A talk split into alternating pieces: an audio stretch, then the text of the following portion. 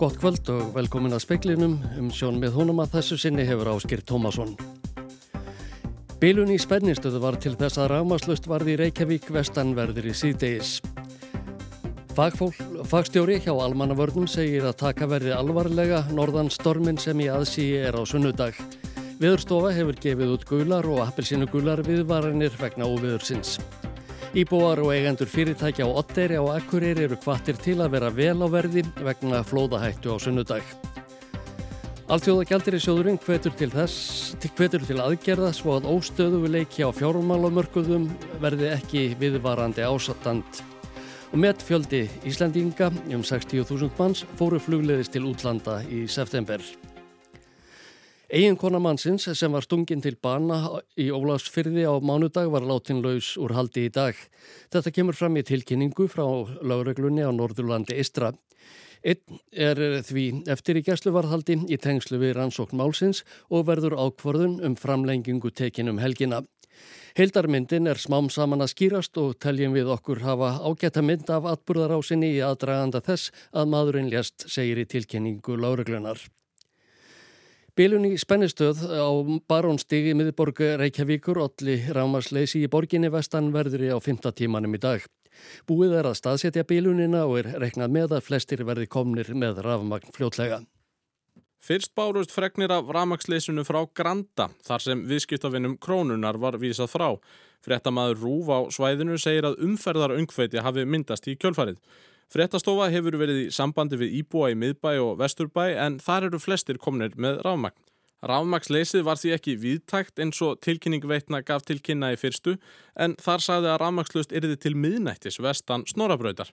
Breki Lógason, upplýsingafulltrúi veitna, segir að sérfræðingar hafi verið sendir á baránstíg með hraði þegar uppkomstum bilunina. Það sagt, bara sló út einhverjum rofa í, í spennustöðu hjá okkur sem heitir A1 og er uh, stöðnir baránstík. Þannig að það fór rafmagn af uh, í miðbænum uh, og alveg út á Granda, þetta er svolítið, svolítið stort svæði.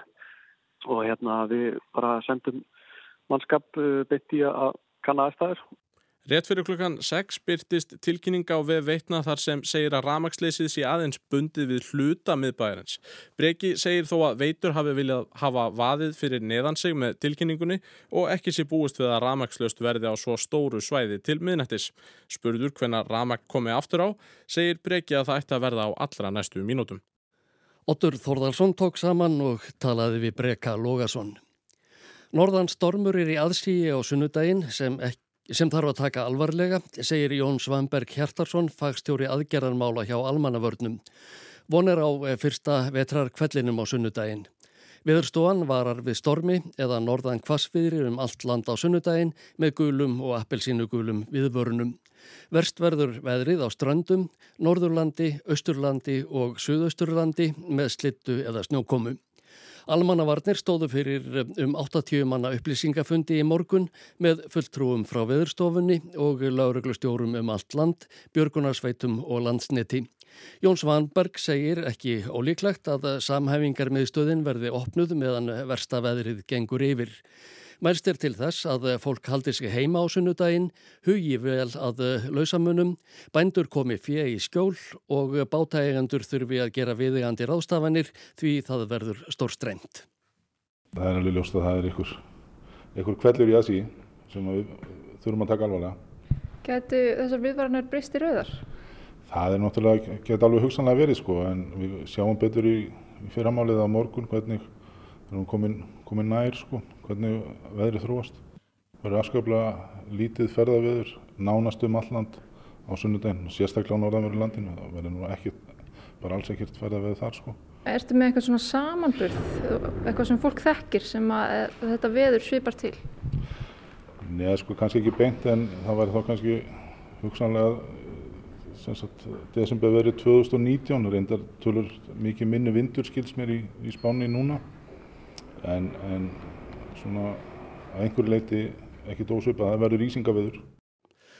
Þetta saði Jón Svamberg Hjartarsson í viðtali við Holmfríðu e, dagníu Fríðansdóttur. Og íbúar og eigendur fyrirtækja og otteri á Akureyri eru kvartir til að vera vel á verði vegna flóðahættu á sunnudag. Þá verður stór stremt og búast má við mikill ölduhæð í sterkri norðan átt. Í tilkynningu frá Akureyrar segir að unnið hafi verið að ymsum úrbótum til að fyrirbyggja að veðrið hafi í för með sér ámóta tjón og varð þegar sjórfletti á land á 8. 25. september. Enga á síður sé rétt að gera viðegandi rástafanir til að fyrirbyggja tjón. Solveig Anna Jónsdóttir, formaður eblingar, hefur tilkynnt forvera sinn til personuverndar fyrir að hafa farið inn á tölvupóstsfangu Solveigar eftir að hún hætti störfum á síðasta ári. Mála þessum toga eru algeng hjá personuvernd en ekki er sama hvernig yfirmenn bera sig að við þessar aðstæður. Solveig Anna Jónsdóttir sagði af sér sem formaður eblingar í november á síðasta ári en tók við starfinu á ný í april eftir að hafa endur nýjað umbóðsitt meðal félagsmanna. Í millitíðinni gengdi Agnieszka Sjólkovska starfi formans.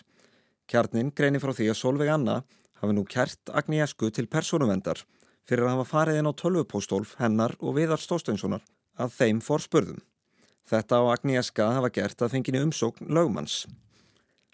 En lögmaður eblingar sem sendir kæruna fyrir hönd Solveigar telur að með þessu hafi verið brotið á rétti Solveigar og viðars. Mála þessum toga eru algeng hjá persónuvend. Gildar ástæður geta verið fyrir því að yfirmenn þurfi að komast inn á tölupóst með vinnugögnum. En það er ekki sama hvernig það er gert, segir Helga Sigriður Þóraldsdóttir, sviðstjóri eftirlits hjá Personuvend. Það eru nokkur aðrið sem vinnuveitandi þarf alltaf að huga að í tengsluðu póstólf þegar starfsmæður hættir. Það fyrsta sem þarf að gera er uh, að það þarf að leipina starfsmænnum sem er að hætta um að fara yfir póstólu sitt og til dæmis eigða út enga pósti sem tengist á ekki starfseminni og hann má líka taka afrið af enga posti ef hann vil. Það sem eftir setur í póstólfinu telst til vinnugagna sem atvinnureikandi má nýta í starfseminni ef málefnaleg rauk eru fyrir því. Heimilt er að áframsenda póst á annan starfsmann í alltaf tvær vekur eftir uppsögn en eftir það á að loka tölupóstfanginu. Þetta var ekki gert í tilfelli Solveigar önnu ef markam á kvörtun hennar til persónuvendar. Þar kemur fram að Agnieszka hafi haft aðganga tölupósti hennar um þryggja mánuða skeið frá janúar fram í april á þessu ári en þessu segir Solveig hafa komið stað fyrir tilviljun. Alexander Kristjánsson sagði frá og talaði við Helgu Sigriði Þórhaldsdóttur.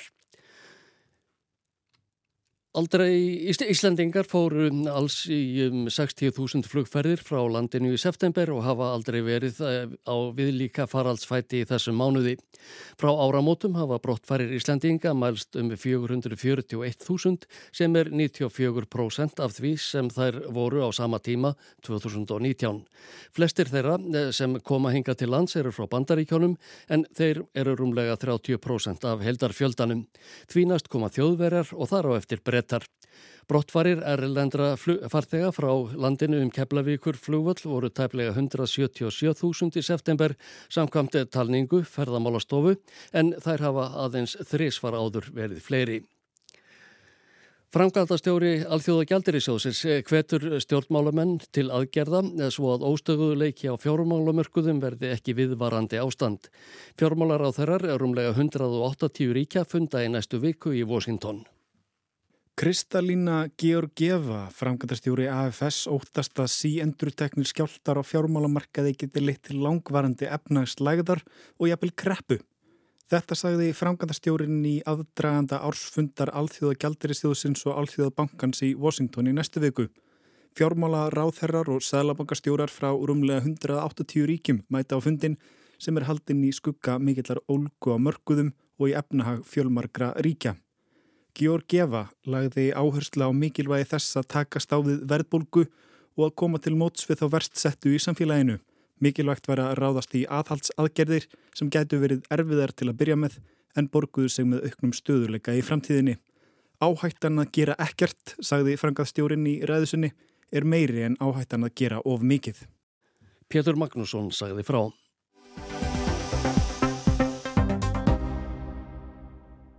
Talið er að rúmlega 8-10 miljónir manna séu nú á flókta í heiminum og hafa aldrei verið fleiri. Flóktamenn reyna eðlilega að leita skjóls og verndar hjá þeim ríkjum þar sem ríkir sæmilugu friður og ró og aðstóðar er að vænta. Umsóknir um alþjóðlega vernd hér á landi hefur fjölgað undan færin ár. Hlutfalslega fleiri umsóknir eru um alþjóðlega vernd á Íslandi en annar staðar á Norðurlöndum. Þingheimur hefur deilt um hvaða stefnu á að fylgja í málefnum flótamanna og útlendinga.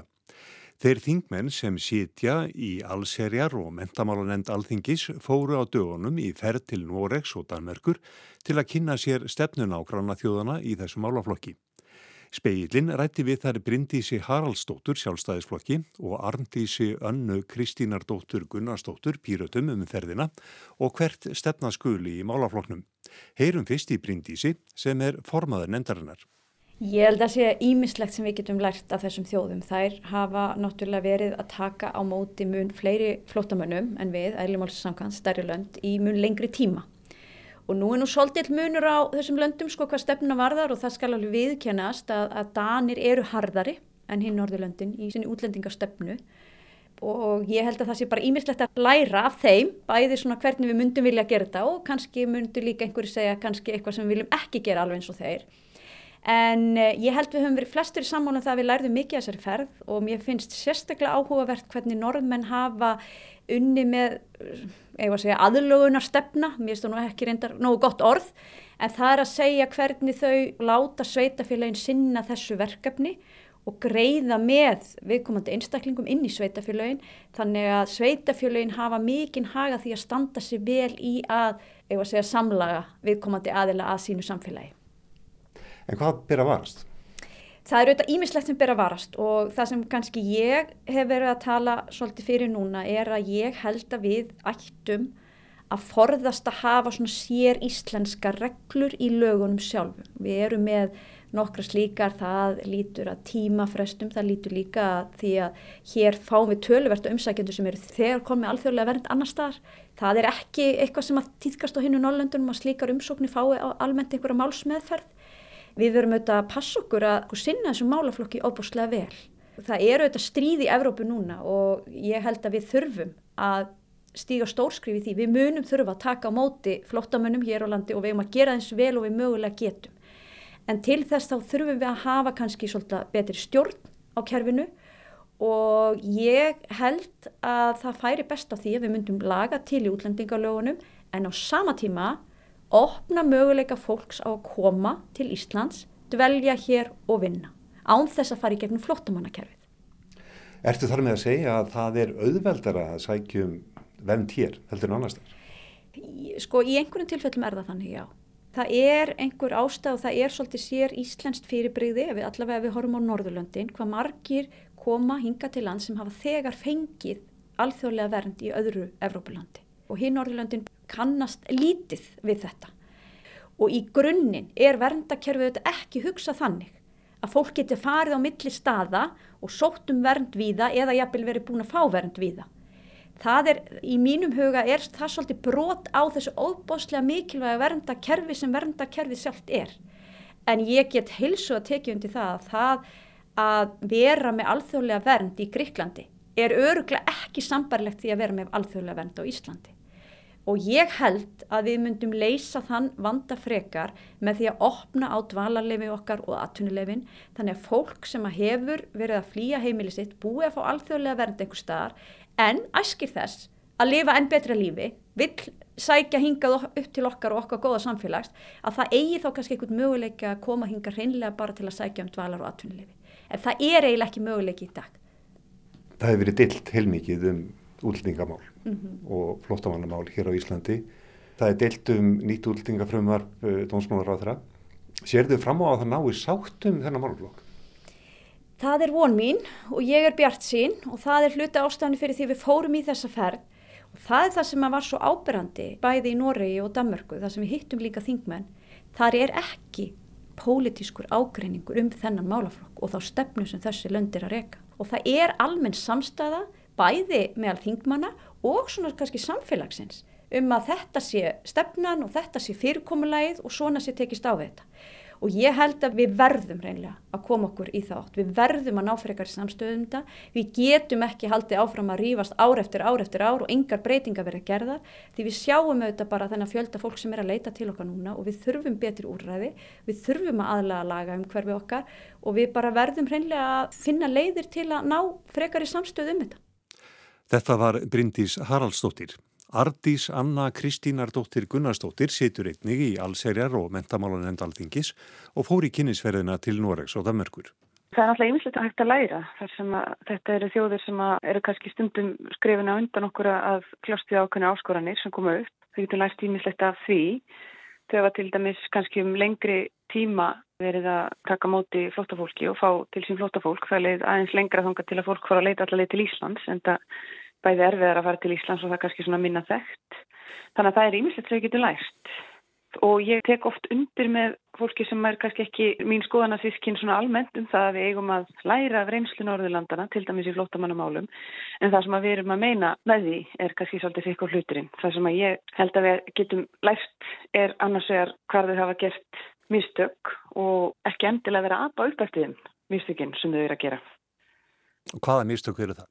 Það er til dæmis að leggja mikla áherslu á eins og Danmörk er að gera leggur greiðilega mikla áherslu á að loka öllum dyrum og glukkum frekar en að gera eins og hefur kannski gengið betur í einhverju leiti í Svíþjóð og Noregi, reyndar hefur gengið einna best í Þýskalandi, ég hef nú viljað gerðnan vilja að fara í heimsók þangað. Þar verðist þetta ganga vel sem er í stað þess að vera að reyna að loka sem er ekki hægt að einbeita sér að því að búa samfélagi undir komi fólks og, og bara meiri fólksflutninga til og frá landsins sem er eitthvað sem er fróun sem sér ekkit fyrir endana og er ekki eitthvað tímabundi ástand sem við bara getum lokað augum og eirum gagvart og einbytta sér af því að trista innviði landsins og tryggja það að fólk hafi tækifæri og tæki til þess að verða hluta samfélaginu. Frekar en að það sé alltaf verið að gefa fólki þau skilabóða að það sé ekki velkomið sem hefur akkurat öfug áhrif. Hefur öfug áhrif á aðlugum þessi í samfélaginu og getur mínum að þetta beinleinis gengi gegn þeim markmiðum sem við eigum að vera að stefna af.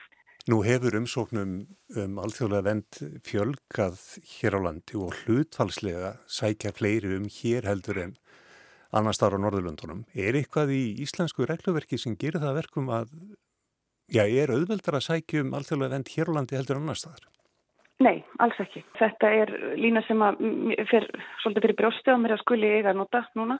Þetta er ekki rétt. Það er ekki þannig að það sé regluverkirna sem að trekki sérstaklega að. Það er ekki sem bendir til þess. Það eru auðvitað oft erfitt að meta hvers vegna fólk velur einn áfangastað umfram annan. Þetta eru bara ágískanir. Þetta er bara, og að mínum að því miður þá held ég að þarna sé verið að notfæra sér einhverja smávegila breytingu í tölfræði til þess að komi gegn breytingum sem að hafa staði til mjög lengi sem að voru ekki upp að við alls ekkert tengdar einhverjum hlutfalslegum fjölda fyrir þetta það að alla fulleringar um það að við sem að fá langt um fleiri umsóknir heldur en hinn Norðurlöndin þær eru mörguliti yktar, mjög yktar hjá sumum og sömulegir þá eru það fáir að koma hingað og það þarf ekki droslega marga einstaklingar til þess að breyta tölfræðinni. En til dæmis þá samsetning fólks sem er að leita hingað og til Norðurlandana og bara jafnvel á milli Norðurlandana er ólík.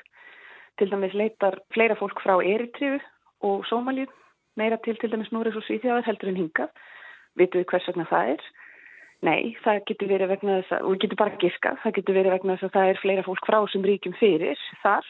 Þegar við spurðum þau, hvað þau teldu vera mögulega ástæði fyrir því að við værum á Íslandi með fleiri umsóknir frá Venezuela til dæmis, þá sögðu og þeim fannst það augljóst, tja, landafræðilega landsins. Þannig að það er mjög líklega að það séu einhverja slíka breytur sem valda því. Það er ekki rétt að það séu auðveldara fyrir fólk frá Venezuela að fá hæli á Íslandi heldur en öðru Norrlöndum og fengur það staðfest að það er ekkert þess að ríkja sem lítur á Venezuela sem öðru stríki. Það er alls ekki rétt.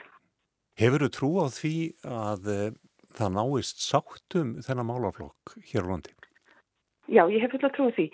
Það menn ekki nátt sáttum þetta frumvarp sem við erum að fara að ræða núna einaferðin en vegna þess að það frumvarp fyrir utan það að vera mann fjandsamlegt, ég ætla bara að leifa mér að nota það orð, þá er það bara úrreld og þessar tillugur þær hafa ekkert með það að gera auka skilvirkni kervisins eða flýta meðferð umsókna, þær hafa ekkert með það að gera. Þesta móti þá munum margar þessara breytingar sem að verið að leggja til lengja málsmeðferð hjá mörgum umsækjendum, fjölga þeim einstaklingum sem að vera komli með sinnin og ekki rætt að flytja og sömulegði setja stóran hóp umsækjenda í mjög erfiða stöðu sem að gengur algjörlega gegn allir þeim markmiðum sem að ríkistjórnum vil meina og stefni að. Þetta var Ardís Anna Kristínardóttir Gunnarsdóttir, Kristján Sigur Jónsson talaði við hana og Bryndísi Haraldsdóttur.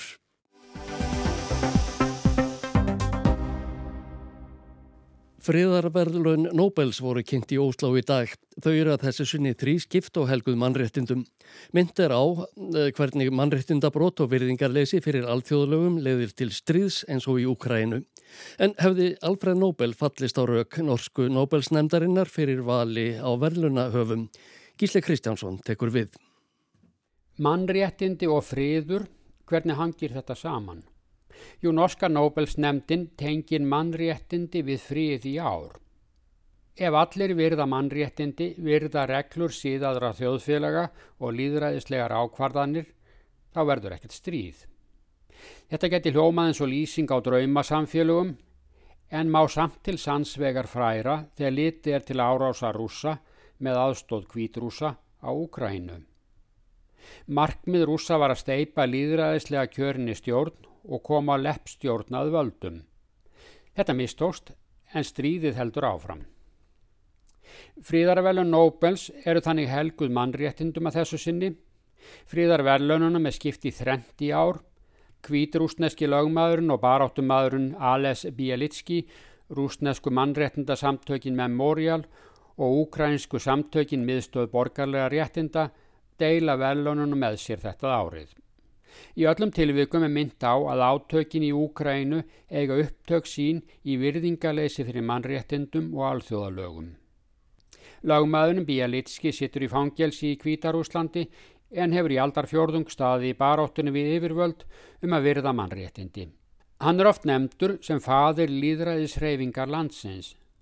Barátta hans er hliðstað við baráttu mannréttindasamtakan í Rúslandi og Úkrænu og því er verðlönunum skipt milli þeirra sem standa í ströngu á stríðsvæðunum í Evrópu. Vali á verðlönahöfunum í ár hefur verið vel tekið í flestum löndum heims ef frá eru talin stjórnvöld í Rúsland og Kvítarúslandi. Markmiðið er að beina aðtiklina átökunum í Úkrænu án þess að víkja þeim beinum orðum. Spámenn hafðu bent á stríðsklæpa domstólinn í hag eða jafnvel stoppskrá saminuðu þjóðana sem mögulega verðluna hafa Þetta til að minna á stríðsklæpi og brota á alþjóðalögum í yfirganginum gegn úkrænumönnum. En baráttan fyrir mannréttundum varð fyrir valinu. Þarna kemur líka til að Nobels nefnd norska stórþingsins leitast núna við að tengja velaunin sem nánast við stoppskrána frá Alfred Nobel. Hvað myndi Nobel þegar hann fór stórþinginu upphaflega að veita velaunin fyrir meirin 120 árum? Þetta kom skýrt fram í dag þegar Berit Reis Andersen, formaðu Nobelsnefndarinnar, kynnti niðurstöðu ásins. This year's laureates have revitalized and honored Alfred Nobel's vision of peace and fraternity between nations, a vision most needed in the world today. Verlaunahafar ársins hafi í heiðri hugssjónir Alfreds Nobels um fríð og bræðrarlag þjóða og hafa gefið þeim nýtt líf, hugssjónum sem heimurinn þarnast sárlega á vorum dögum. Þessi orðformansins má taka sem svari við gaggríni sem á undanförnum árum hefur beinstað Nobels nefndinni. Í einstakka tilvikum hefur ekki verið hægt að sjá hvernig velaunin tengjast hugmyndum Nobels. Hann skrifaði í stoppskrána um starf við fríðargerð, afvopnun og bræðralag þjóða. Það er einst vandkvæðum fundið að finna fólk og stopnannir sem uppfylla þessi skilirði. Afvopnun var hjartansmál Nobels ef markam á stoppskrána að fá þjóður heims til að leggja nýður vopnin. Vitað er að Nobel-stopnunin í Stokkólmi sem fer með arfin eftir Alfred Nobel hefur gaggrínt Norsku Nobelsnemdina fyrir að fylgja ekki stoppskráni. Núna fylgir því nákvæmur raukstuðningur fyrir veitingunni, virðing fyrir mannréttundum stuðli að bræðralagi þjóða. Nobel nefndi bræðralag þjóða sérstaklega. Og ef mannréttindi og grundvallar atrið í samskiptum síðaðara þjóða eru virt, er hægt að leggja niður vopnin. Það taldi Nobel mikilvægast af öllu. Rökin fyrir vala á velunahöfum er því skýrari nú en ofta áður.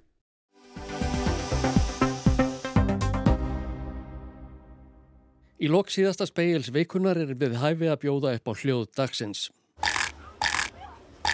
Hljóð dagsins var til þegar sjú óra drengur sem ívantar að minnst á kosti eina framtönn beiti mægi stöngul. Drengurinn heitir endar Tarik. Hann á heima í New York og fór einn laugardagi í júli með ömmu sinni og eldri sýstur á Smörgórsburg matarmarkaðin í Brooklyn. Þar fekk hann sér mæi stöngul að borða og snætti hann með bestu list þegar búið var að bera á hann dálítið af smjöri. Á matarmarkaðnum var einni nýjútskrifaður gamanleikari og þáttagerðarmadur Julian Safiro Barnum að nafni. Hann hefur um nokkur skeið tekið viðtöl við börn á aldrinum tveggja til nýju ára og byrt á svæði sínu á samfélagsmiðlinum Instagram. Það nefnist eh, Recess Therapy sem gætu útlagst kvildar meðferð. Hann ræðir við börninum í mismál svo sem loftslagsbreytingar, ástina, efnahagsmál og að pissa á sig svo að vittna sig í greinumann í The New York Times. Safír og barnum kom auga á Tarik þar sem hann satt á markaðnum og borðaði mæsinn sinn og ákvað að taka við hann viðtal um mæs. For me, I really like corn. What do you like about corn? Ever since I, I was told that corn was real, it tasted good. Did you think corn wasn't real? But when I tried it with butter, everything changed. I love corn. Mmm, corn. Þarna heyrðum við brotur við talinu við Tarik sem var í heldina 1 mínúta og 26 sekundur. Á myndskeiðinu lýsir drengurinn mæiskolvi sem klumpi með tökkum sem sé ólýsanlega góður á bræðið þegar smjörið hefur bráðunað á honum. Honum finnst að kolurinn ætti að kosta 1 dólar og endar svo með því að óska áhorfendum Kornastic Day eða góðs mæistags. Julian Sapiro Barnum byrti myndskeiðið á Instagram 4. ágúst. Þar sem hann hafið þá rúmlega eina miljón fylgjaldna e, vakti það strax mikla aðtegli. Einlagli síngdrengsins á bræðinu að mæs með smjöri hafði það til margra sem dreifðu myndskeiðinu eða hlutum þess á öðrum miðlum svo sem TikTok, Facebook og YouTube. Mæstrengurinn Tarik varð svo til samstundis eitt frægasta barn í bandaríkjunum og þótt víðar væri leitað. Myndskeiðið með honum hefur verið skoðað tæplega 8,2 miljónum sinnum á YouTube. Áhorfið á TikTok er komið yfir 1,3 miljónir og þar hefur Tarik sitt eigið svæði sem nefnist Cornboy Official. Þar er að finna á þriðja tugi myndskeiða með honum sem notendur miðilsins hafa hort á mörg hundru þúsund sinnum og í einhverjum tilvikum er áhorfið komið yfir miljón. Síðustu vikur hafa verið viðburðaríkar í æfi hins sjö ára Tariks. Hann var nýlega gerður að sérlegum sendiherra eða kornbassador, mæs framleiðenda í söður Dakota. Hann hefur komið fram í auglýsingum fyrir hambúrgara og grænmeti, sérilagi mæs og mætti ófá viðtöl. Þar hefur meðal annars komið fram að í skólanum hefur hann mest gaman að starfræði og frímínútum og fræðin hefur reynst á batasömm. Þeir sem best þekkja til áætla að fræðin á samfélagsmiðlum hafi gefið honum nokkrar miljónir dollara í aðra hönd. Og ekki er upptalið allt enn. Brotur viðtali, Julian Safiro Barnums við Tarik og fleiri viðtölum við drengin hafi verið notuð í fjölda laga og tónlistarbrota sem hafa verið byrt á TikTok, YouTube og víðar. Nokkur lög hafa orðið til þar sem viðtalsbútar við Tarik eru notaðir sem texti. Á Spotify er að finna þrjú slík þar á meðal The Corn Song sem hljómsveit frá Brooklyn sem kalla sig Gregory Brothers samti og flyttur. Lægið hefur verið leikið rúmlega 9 miljón sinnum á Spotify og fengið hátt í 16 miljón áhorf á YouTube.